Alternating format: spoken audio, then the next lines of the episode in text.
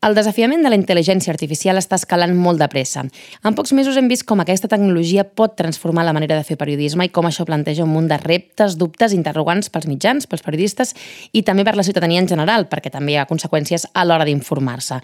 Som en un moment clau davant d'aquest repte i per això en aquest episodi de l'Observatori volem parlar de periodisme i intel·ligència artificial. Per això entrevistarem la doctora en Comunicació i Cultura per la Universitat Autònoma de Barcelona, Patricia Ventura, especialista en ètica i intel·ligència artificial. I comptarem també amb les anàlisis del periodista Bru Aguiló i la Judy Membrives, tècnica de digitalització de la FEDE.cat. La intel·ligència artificial és el tema principal del setè episodi de l'Observatori, el podcast de Mediacat, impulsat pel grup de periodistes Ramon Bernils, on cada mes tractem qüestions d'actualitat vinculades amb el periodisme i la comunicació. En aquest capítol també descobrim un dels temes del nou anuari Mediacat, fem un repàs al mapa de la censura i com cada mes sentirem algunes cites de les opinions que hem publicat aquest mes a la web de Mediacat. Soc la Carme Verdoi i això és l'Observatori. Comencem! L'Observatori, el podcast de Mediacat.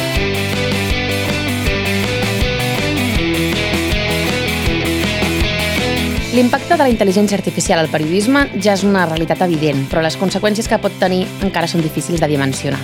La popularització d'eines d'aquesta tecnologia pot facilitar algunes tasques periodístiques, però les possibilitats que ofereix també han fet saltar totes les alarmes a l'hora de pensar en com pot canviar la manera de fer periodisme que coneixem fins ara.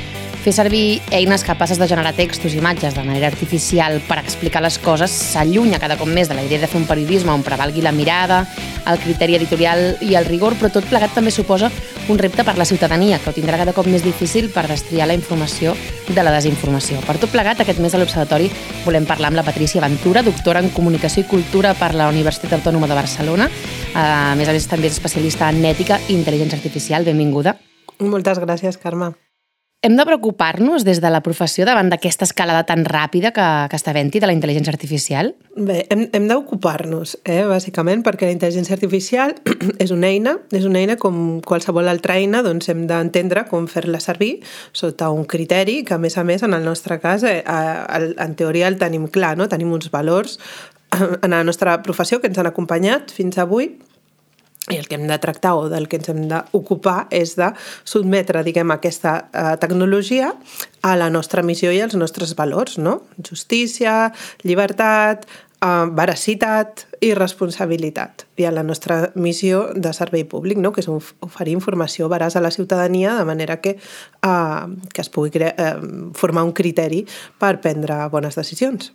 Parles d'aquest criteri, no? que segurament potser és una de les claus justament per, de, per no oblidar-nos no? a l'hora de plantejar tot aquest debat, recordar doncs, aquest criteri editorial no? a l'hora de, de tractar qüestions periodístiques més enllà del, del paper que, o, de, o justament per integrar no? el paper de la intel·ligència artificial per descomptat, és que eh, això no, aquesta nova tecnologia, com altres que l'han precedit, no hauria de canviar el nostre criteri editorial o la nostra funció. El que passa que aquesta tecnologia ens impressiona perquè, perquè desenvolupa funcions Mm, considerades eh, doncs, eh, molt humanes, no? Sembla que ens parli, sembla que fotografiï, no? Sembla que creï, però en realitat és una tecnologia que, base, que es basa en estadística i en funcions probabilístiques, ni pensa, ni sent, ni interpreta. Llavors, per començar, aquesta tecnologia eh, ja no pot eh,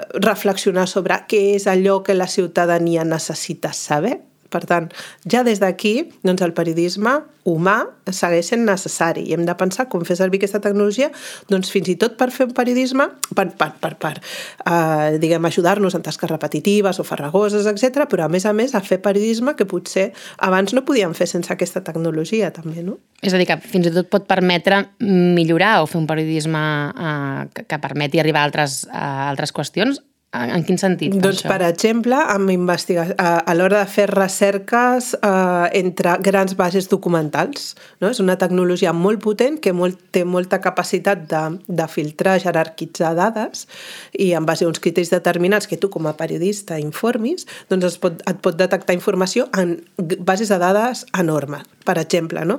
Això es va materialitzar ja en el cas dels papers de Pandora, aquests coneguts... Aquí hi havia terabytes de, de documentació que eh, es van poder analitzar gràcies a la intel·ligència artificial, per exemple, no? hi ha més casos, vull dir que és que eh, penso que es tracta de pensar doncs, això, com posar-la al servei doncs, de la nostra eh, funció eh, eh, social. No? En els últims mesos, per això sí que s'ha parlat molt d'eines com el xat eh, GPT, no? Mm, perquè quin impacte creus que pot tenir la popularització i mm. l'extensió d'eines com aquesta?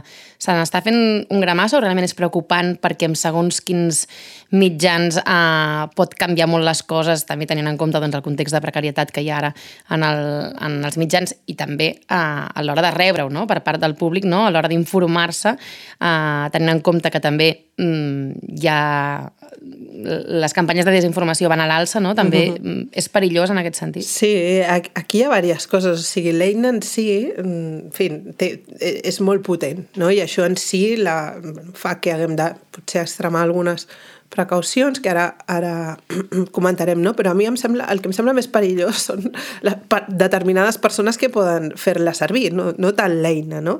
I, i sempre, la, bueno, en fi, eh, sempre tenim persones que procuren fer bé no? i aportar, i també persones no? o institucions o actors determinats que procuren fer mal, i això són eines que estan al servei tant d'unes com d'altres, no?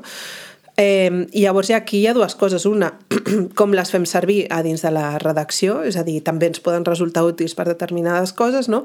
Però, clar, eh, jo entenc que també per on vas és... Eh, com es fan servir per, per fer les coses no tan bé, no? per part d'actors interessants, per exemple, per desinformar, sigui el xat GPT o siguin aquestes de, gener de, de generació d'imatges, etc, que eh, cada cop es compliquen més a distingir què és uh, veritat i mentida. No? I, I en aquest sentit, doncs, jo penso que precisament la professió periodística es fa més necessària potser que mai, no?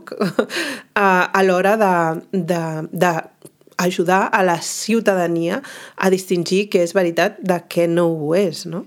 Potser també justament obligarà a fer una mica més bé les coses, no? Aquesta idea que, eh, clar, a l'hora de per repicar una nota de premsa, si hi ha aquestes eines ja serà molt més fàcil i potser justament servirà per recordar que el periodisme és una altra cosa. Efectivament, i, i, i esperem, no? perquè clar, això també, aquestes decisions estan en mans de les persones que prenen decisions estratègiques. Tot aquest temps, que, que ho, dic, ho dic exactament el que has dit tu, amb unes altres paraules, però tot aquest temps que ens estalvia l'automatització es reinvertirà en fer un periodisme periodisme més humà, un periodisme de contacte amb les fonts, un periodisme que investigui, no?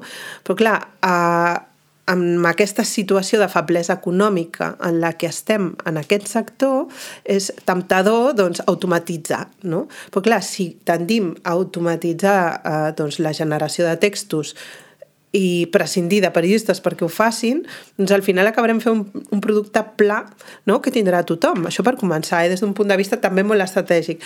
Però eh, si tendim a, a personalitzar al màxim, no? la personalització, que és això de, en base als comportaments que té cada usuari, li oferim un producte a mida determinat, doncs això també eh, és automatització fins a l'extrem que ens ajudarà a tenir molts clics, perquè clar, com t'ofereixen coses que t'interessen molt, cliques molt, no?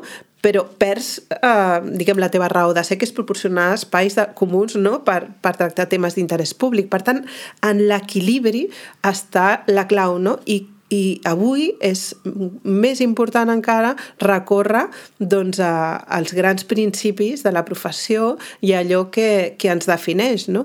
I, i a no oblidar, no? a davant de tota aquesta necessitat econòmica, no? que eh, l'ètica de la comunicació no? arrela en el reconeixement que la comunicació pel bé comú eh, eh, realitza una, una, una funció social que està per sobre dels beneficis econòmics. No? I això després també ens ajudarà al seu torn a generar confiança. Jo crec que aquí hem d'estar tots alineats, directius, periodistes, tots. I, i per l'altra banda, és a dir, quins creus que són els perills o els riscos reals eh, o més evidents de la intel·ligència artificial per al periodisme o els que més ens haurien de preocupar? Sí, a l'hora d'integrar-la jo crec que és, que és això que, que hem comentat ara per començar, és a dir, aquesta necessitat d'aconseguir resultats econòmics amb, i, i determinats llocs on hi ha una visió de curt, estratègica de curt plaç que és, vale, anem a aconseguir clics, no? perquè això ens donarà ara publicitat, no sé què, però aquest això, al final, a mig llarg termini és un problema perquè acabes erosionant la confiança de la ciutadania, quan precisament ara el que necessitem a la nostra societat són agents interlocutors en qui confiar. Tu tens ara una oportunitat, a veure si l'aprofites o no, no? I després tenim un altre risc, que també és a l'hora d'informar sobre aquest tema, Mm, també tenia el criteri no? i la responsabilitat que ha de néixer de la responsabilitat envers la ciutadania de, tenir-la de, de mantenir-la informada, no? perquè clar, aquesta tecnologia penetra totes les esferes de la nostra eh, societat, no? La, no, la ciutadania avui no, no, no és prou crítica amb totes aquestes qüestions i hi ha molts riscos ètics ja a nivell eh, general no? de quin futur volem, etc. I, i pensem també que el periodisme aquí ha d'estar a l'alçada i saber doncs, eh, informar amb criteris sobre aquestes qüestions i vigilar els usos dels algoritmes en altres eh, sectors que poden ser irresponsables també o temptats per aquesta necessitat de productivitat i eficiència doncs, que ens llencin al mercat sense estar eines que no estan prou madures, que estan esbiaixades, no? que, que després doncs, tendeixen a reproduir els, els biaixos humans, eh, acabem automatitzant-ho tot no? I, i quin futur volem? Un futur de, un, en el que eh, siguem en una societat eh, automatitzada en la que totes les decisions es prenguin per màquines o, o què, no? Per tant, jo crec que això també és un risc pel periodisme, perquè el periodisme, si està a l'alçada, doncs es convertirà en un interlocutor important, però si no, doncs també pot ser que es dissolgui. De fet, ara parlaves de la mirada crítica, no? Al febrer Mediacat vam publicar un informe eh, conjuntament amb la FEDE sobre com s'informa d'intel·ligència artificial que alertava de que sovint eh, s'ha informat des d'una perspectiva molt no solucionista, no? Potser ha faltat mirada crítica durant molt de temps davant d'aquestes qüestions o, o es mirava massa com una cosa llunyana fins i tot i poc tangible? Bé, jo penso que és normal també que mm, al final els temes de tecnologia requeien a la secció de tecnologia, no? Però clar, hi ha arribat un moment que aquesta tecnologia mm, han estat present a totes les esferes de la nostra societat i té un potencial tan gran de canviar les coses, per exemple, amb l'educació, no? Amb la salut, um, amb la justícia, no sé, en l'àmbit de la justícia també, no? Clar, um, abans um, es tractava la tecnologia o s'ha tractat um, tradicionalment la tecnologia des del periodisme com amb aquesta mirada d'innovació, no? però no. No, a, a, hem arribat a un punt en què aquesta tecnologia té un potencial tan gran de canviar cadascuna de totes les esferes de la nostra societat i algunes tan importants com les que hem mencionat, que ara arriba un moment que toca als especialistes de cada secció entendre com funciona aquesta tecnologia per explicar des de la seva expertesa en el tema en qüestió com aquest eh, escenari no, pot arribar a canviar gràcies a aquesta tecnologia. Mm, I per tant, mm, entra dins de la normalitat, diguem, que haguem, que haguem cobert d'aquesta manera uh, aquests temes, però sí que eh, pensem que estem en un punt d'inflexió en què totes doncs, ens hem de posar una mica a les piles per entendre com afecta cadascun dels nostres àmbits d'experiència. També som en un moment en què es debat justament sobre la regulació, no? Ah, què és el més important, potser, tenir en compte en aquest sentit? On s'haurien de posar els límits? Bueno, des del punt de vista de la comunicació, que és el que, diguem, pensem que, que té sentit comentar en aquest moment, eh, sobretot que qui faci servir aquestes eines per generar eh, contingut sintètic eh, assenyalin o, o que quedi clar que, que és un què és fet per una màquina i què és fet per una persona en determinats contextos. Eh? A vegades, no sé, eh, segons què, ara vinc d'un esdeveniment sobre creació musical, no? Hem de dir fins a quin punt ha intervingut la intel·ligència artificial en la creació d'aquesta peça musical? Doncs no ho sé tant, no ho veig tan clar, potser perquè al final qui escolta una peça musical doncs, vol disfrutar, no? vol gaudir i si li interessa rascar una mica més enllà, doncs pot buscar-ho, però cada moment haver de comunicar, però en canvi, si generes un contingut mm, de vídeo no? en què es veu una persona que és coneguda, un personatge públic, que eh, en una situació com per exemple l'altre dia Trump detingut o coses d'aquesta mena que sí que poden arribar a tenir un impacte fort en l'opinió pública, per exemple, o en el desenvolupament de la, dels esdeveniments posteriors, doncs clarament hauria d'estar, de, de, hauries d'informar-ho, no? I, i, I després hi ha altres qüestions com aquesta tendència a antropoformitzar a les aplicacions d'intel·ligència artificial o als propis robots que, que s'hauria de, de limitar. És a dir, per què un, un, una eina de processament de llenguatge natural ha de fer servir emoticones, per exemple, no? eh, si no té emocions. Clar, aquí hem de tenir en compte no només les persones adultes, però persones que poden ser immadures intel·lectualment, persones que poden ser fràgils eh, psicològicament o estan passant una etapa no sé què, no? Jo no dic ara, ah, sí que és veritat que hi ha hagut un cas de suïcidi, jo no, no, no, no penso que es tracti de fer ara l'alarmisme de que ara tots ens creurem el que ens diu la màquina i tal. Però hem d'anar en compte perquè hem après a, a dissenyar màquines eh, que imiten molt bé la conducta humana i el llenguatge, que el llenguatge existeix per relacionar-nos, no?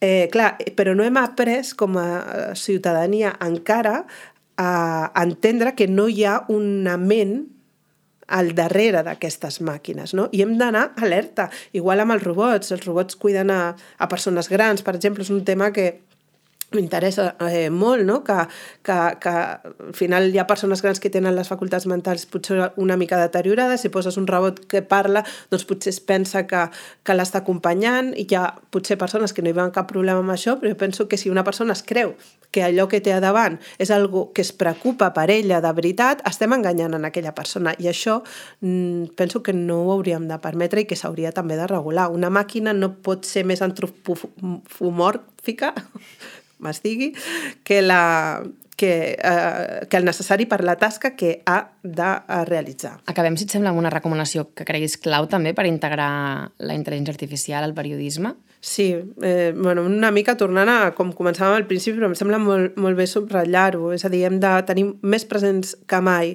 els nostres valors, eh, que són aquests, la veracitat, la justícia, la llibertat, la responsabilitat. Ara, amb la irrupció de la intel·ligència artificial, hi ha dos principis que, diguem, agafen rellevància um, i, i eh, que són la privacitat, perquè cada cop gestionem més dades dels nostres usuaris i per tant aquí també hem de tenir una conducta exemplar, eh, i la transparència a l'hora d'informar quan la intel·ligència artificial està operant en els nostres continguts, que és una cosa que potser altres no faran. No? Hem d'explicar quan doncs, eh, una, un text ha estat sintètic, no vol dir que no podem fer servir l'eina, sinó explicar molt bé on està, perquè sí que en el nostre cas no és com el de la creació musical o altres, um, sí que és molt important que la gent entengui que, que, que ho ha fet una persona o que no, no? En qualsevol cas que ens responsabilitzem de tot allò que, que fem i, que, record, i, que, i que, que hem de ser capaces de posar aquesta tecnologia al servei de la nostra missió, que no hem d'oblidar. Ens hem de preguntar sempre per a què, no? Per a què? Pensar que això pot ser una eina que ens pot ajudar a automatitzar processos que en realitat potser no fa tanta falta que faci una persona eh, i no oblidar doncs, això, no? que la comunicació l'ètica de la comunicació arrela en aquest convenciment, no? de que la comunicació pel bé comú està per, realitza aquesta funció social que està per sobre dels interessos econòmics. No? I amb aquest equilibri eh, doncs pensem que podem fer una bona apropiació de la intel·ligència artificial als mitjans. Doncs uh, moltes gràcies per aquestes reflexions. Patricia Ventura, doctora en comunicació i especialista en ètica i intel·ligència artificial. Gràcies a vosaltres. El relat que genera des dels mitjans sobre la intel·ligència artificial és clau a l'hora de configurar un imaginari comú sobre aquesta tecnologia. Ho explica la Judit Membrives, tècnica de digitalització de la FEDE.cat. Els mitjans de comunicació contribueixen a crear un, un imaginari comú, unes narratives concretes sobre la intel·ligència artificial. Ara mateix, quins són els missatges que està rebent la població? Doncs principalment que la intel·ligència artificial és inevitable, que la intel·ligència artificial ens traurà la feina, que la intel·ligència artificial ens superarà en intel·ligència, que perdrem el control, etc. Uh, el que creiem des de la FEDE.cat és que el cert és que tots aquests missatges el que acaben provocant és alienació i mobilització. Llavors, des de, des de, des de les organitzacions, el que estem treballant és per fer incidència política i social, per una banda, per contribuir a canviar aquestes narratives sobre la intel·ligència artificial, per entendre que no és quelcom que sigui inevitable, és alguna cosa que construïm les persones i que, i que a més a més s'emmarca en un context social, per tant, hauríem de pensar en, en altres maneres de fer-la i en altres maneres de governar-la també, no?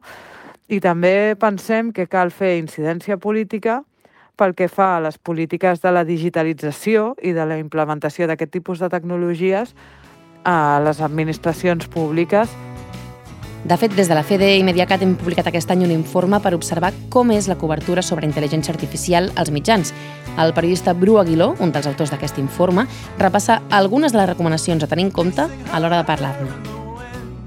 No posar el focus només en els beneficis tecnològics. Cal parar atenció a on posem el focus.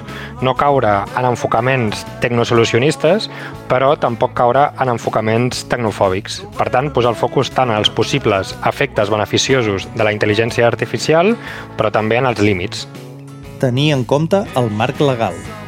Procurar, sempre que es pugui, mencionar o introduir el marc legal regulador i de protecció de dades. Per tant, en definitiva, introduir la perspectiva de drets digitals Aquí ens podem fer preguntes com qui gestionarà les dades que es generin amb la implementació de la tecnologia sobre la qual estem informant, o quines dades es requeriran per poder-hi accedir, o qui revisarà i auditarà la implementació d'aquesta tecnologia. Per tant, en definitiva, exercir la fiscalització que es pressuposa i s'espera del bon periodisme. Apuntar responsabilitats. Per apuntar responsabilitats ens podem fer preguntes sobre qui és el responsable si falla el sistema, qui ha implementat la tecnologia o qui l'ha desenvolupat, com es diu el programari o el software del qual estem informant o quin recorregut previ ha pogut tenir. Buscar diversitat de fonts i perfils especialitzats. En aquest sentit, recomanem consultar expertes tecnòlogues però també sempre comptar amb perspectives provinents de les ciències socials i organitzacions, per exemple, del tercer sector, i preguntar-nos com pot afectar aquesta tecnologia a la ciutadania i, per extensió, a col·lectius vulnerabilitzats. Evitar imatges antropomòrfiques estereotipades. Utilitzar imatges de robots humanoides al final el que provoca és amagar o invisibilitzar les responsabilitats que hi ha darrere de la intel·ligència artificial. I aquestes responsabilitats apunten a persones que programen la intel·ligència artificial de perfil sociològic i gènere determinat i indústries que se'n lucren.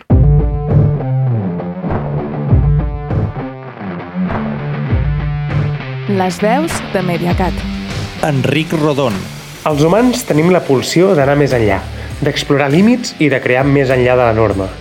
En aquests temps convulsos, si és que mai han deixat de ser-ho, no sabrem qui, ni quan, ni què, ni per què, però sí com, perquè descobrirem com fer-ho més que intel·ligentment artificial.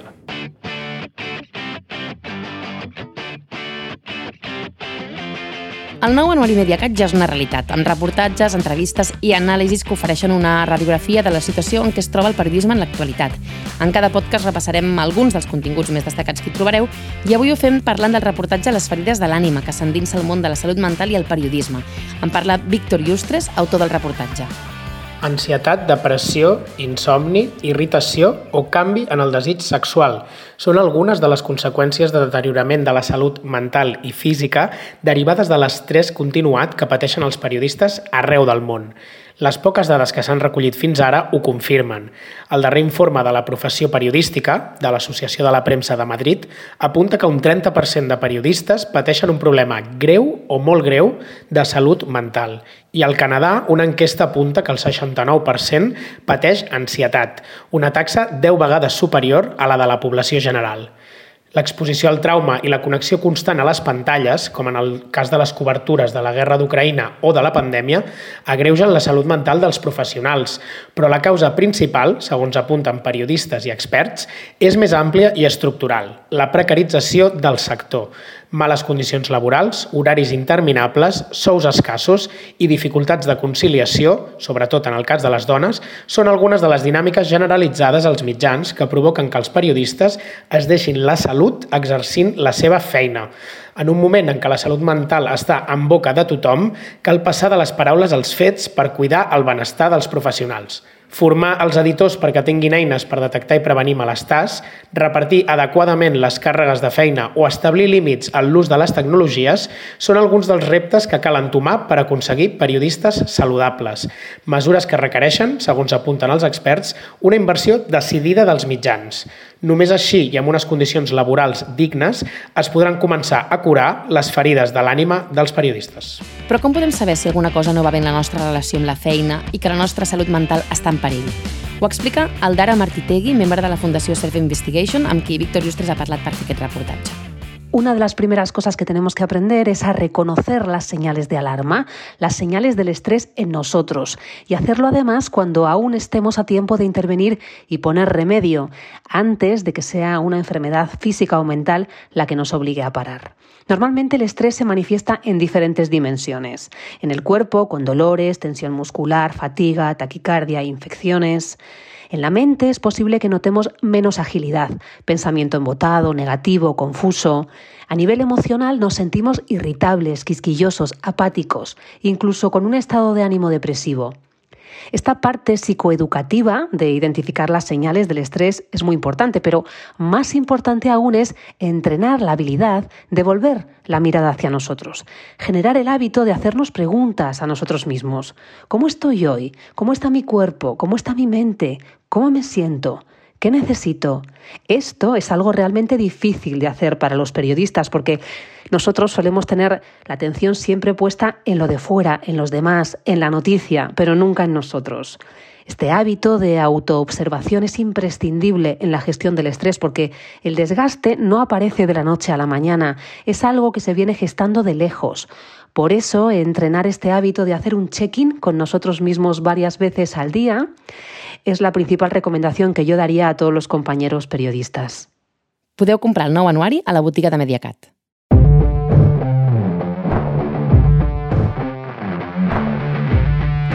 Les veus de Mediacat.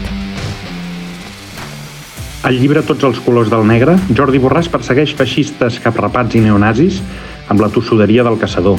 En dissecciona tatuatges, vestimenta i eslògans amb la precisió del cirurgià i els observa i els retrata amb l'ànima dels bons periodistes, aquells que al cap del dia sempre acaben trobant més preguntes que respostes.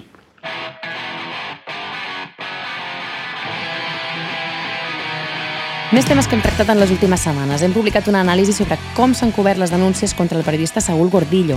La periodista Meritxell Rigol ha constatat que en general els mitjans han donat espai a les justificacions de l'acusat i hi ha hagut descrèdit cap a les dones que han denunciat. En nom de la presumpció d'innocència i la imparcialitat informativa, la tendència dels mitjans ha estat difondre el qüestionament de les dones en què la defensa de Gordillo es fonamenta. La majoria han donat centralitat a les justificacions de l'acusat i les han reproduït acríticament, sense aportar gairebé cap recurs periodístic per ubicar el cas en el marc de les violències masclistes. Per exemple, explicar les dificultats i costos que té per les dones denunciar agressions sexuals en general i en concret quan l'agressor és un superior laboral i xifrar l'escassa minoria que arriben a denunciar. En alguns casos s'ha plantejat el fet com a polèmica en un cas en què es podia haver portat coneixement. La tendència ha estat limitar les informacions a contraposar les versions dels fets, sense ni tan sols incorporar-hi una definició acurada del concepte consentiment, entorn al qual s'articula més polèmica entre declaració i contradeclaració que no coneixement, i sense coneixement les informacions queden lluny de contribuir a conscienciar davant de la cultura de la violació. Hi ha hagut un buit general a l'hora de contextualitzar les agressions. Les anàlisis de juristes o altres expertes en violències masclistes, cada vegada més presents en informar d'agressions sexuals, han quedat fora de les cobertures en aquesta ocasió. Arran d'unes imatges de la nit dels fets, diversos mitjans han difós interpretacions sense expertesa, que no aporten dades ni coneixements per ubicar el cas en un fenomen estructural i treure'l del tractament de conflicte privat i aïllat, més cridaner pel qui que per la problemàtica que suposa el què. I una bona pràctica en la majoria de mitjans ha estat el d'evitar la revictimització. Els mitjans han respectat el més bàsic, el dret a la intimitat de la víctima. A més, si bé és cert que algunes notícies han difós detalls de l'agressió d'escàs valor informatiu, la majoria de professionals ho han evitat.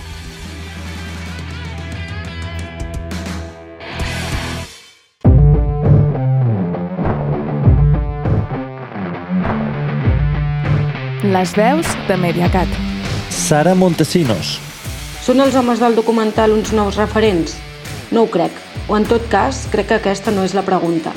Per mi, la necessitat del reportatge rau en obrir una petita escletxa, una petita finestra que permeti donar espai a maneres de viure i conviure sense violències. I sobretot, que aquestes passin de ser residuals i desconegudes a ocupar un prime time de la televisió pública. I com sempre, tanquem aquest episodi de l'Observatori fent un repàs als últims casos recopilats del mapa de la censura, que recull incidents que tempten a la llibertat d'expressió i el dret a la informació arreu dels països catalans. Els explica la Gemma Garcia, coordinadora del mapa. Comencem pel cas més recent. El Futbol Club Barcelona ha anunciat el tancament de l'emissora Barça TV. La televisió del club posarà fi a les seves emissions el 30 de juny, després de 24 anys en funcionament. El tancament suposa l'acomiadament de 120 treballadors entre periodistes, personal tècnic i col·laboradors. Un altre dels casos més sonats de les últimes setmanes té a veure amb un gag del programa Està passant. I el passat 11 d'abril va ser el torn de TV3, amb un cas que ha despertat molta polèmica. Parlem del gag de la Mare de Déu del Rocío, protagonitzat per Judit Martín, que es va emetre al programa Està passant de TV3 el passat 4 d'abril. Després de les crítiques llançades per xarxes socials, la Fundació Espanyola d'Advocats Cristians ha presentat una denúncia contra Toni Soler i Jair Domínguez, presentadors del programa, i la col·laboradora Judit Martín. La Fundació denunciant considera que es tracta d'un atac contra els sentiments religiosos i que tots tres haurien incorregut en un delicte d'escarni. Alhora, Jair Domínguez ha denunciat a Catalunya Ràdio que ha rebut amenaces de mort per xarxes. També hem recopilat un cas de ciberassetjament masclista. Qui també ha denunciat atacs per xarxes és la periodista d'esport Maria Tiques, que ha rebut comentaris masclistes i sexistes arran d'expressar la seva opinió en relació amb el vídeo del Real Madrid que pretén vincular el Barça amb Franco i destaquem dos incidents més que han passat al País Valencià. En el marc d'una mobilització, però en aquest cas durant l'ocupació d'un bloc d'habitatges al barri del Cabanyal de València, els periodistes de la directa Marc Campos i Lucas Guerra han estat identificats en aplicació de la llei Mordassa. Com ha passat en altres casos recollits al mapa de la censura, els professionals anaven identificats com a premsa i encara al País Valencià, però en aquest cas a Xeraco, l'Ajuntament, governat pel PP, ha intentat censurar el primer acte del cicle Diàlegs contra l'odi, on s'ha presentat el llibre Antifeixistes de Miquel Ramos. Diem que ho ha intentat perquè finalment, després de denunciar-ho per xarxes, l'acte s'ha pogut celebrar al Saló de Plens el 24 de març.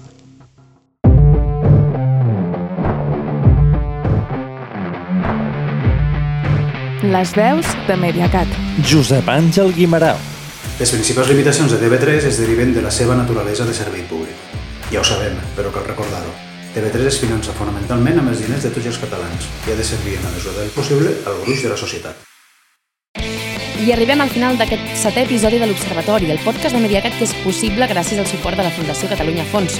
Moltes gràcies a totes les col·laboracions que l'han fet possible i a la Berta Vilés al control tècnic i al muntatge. Fins a més que bé!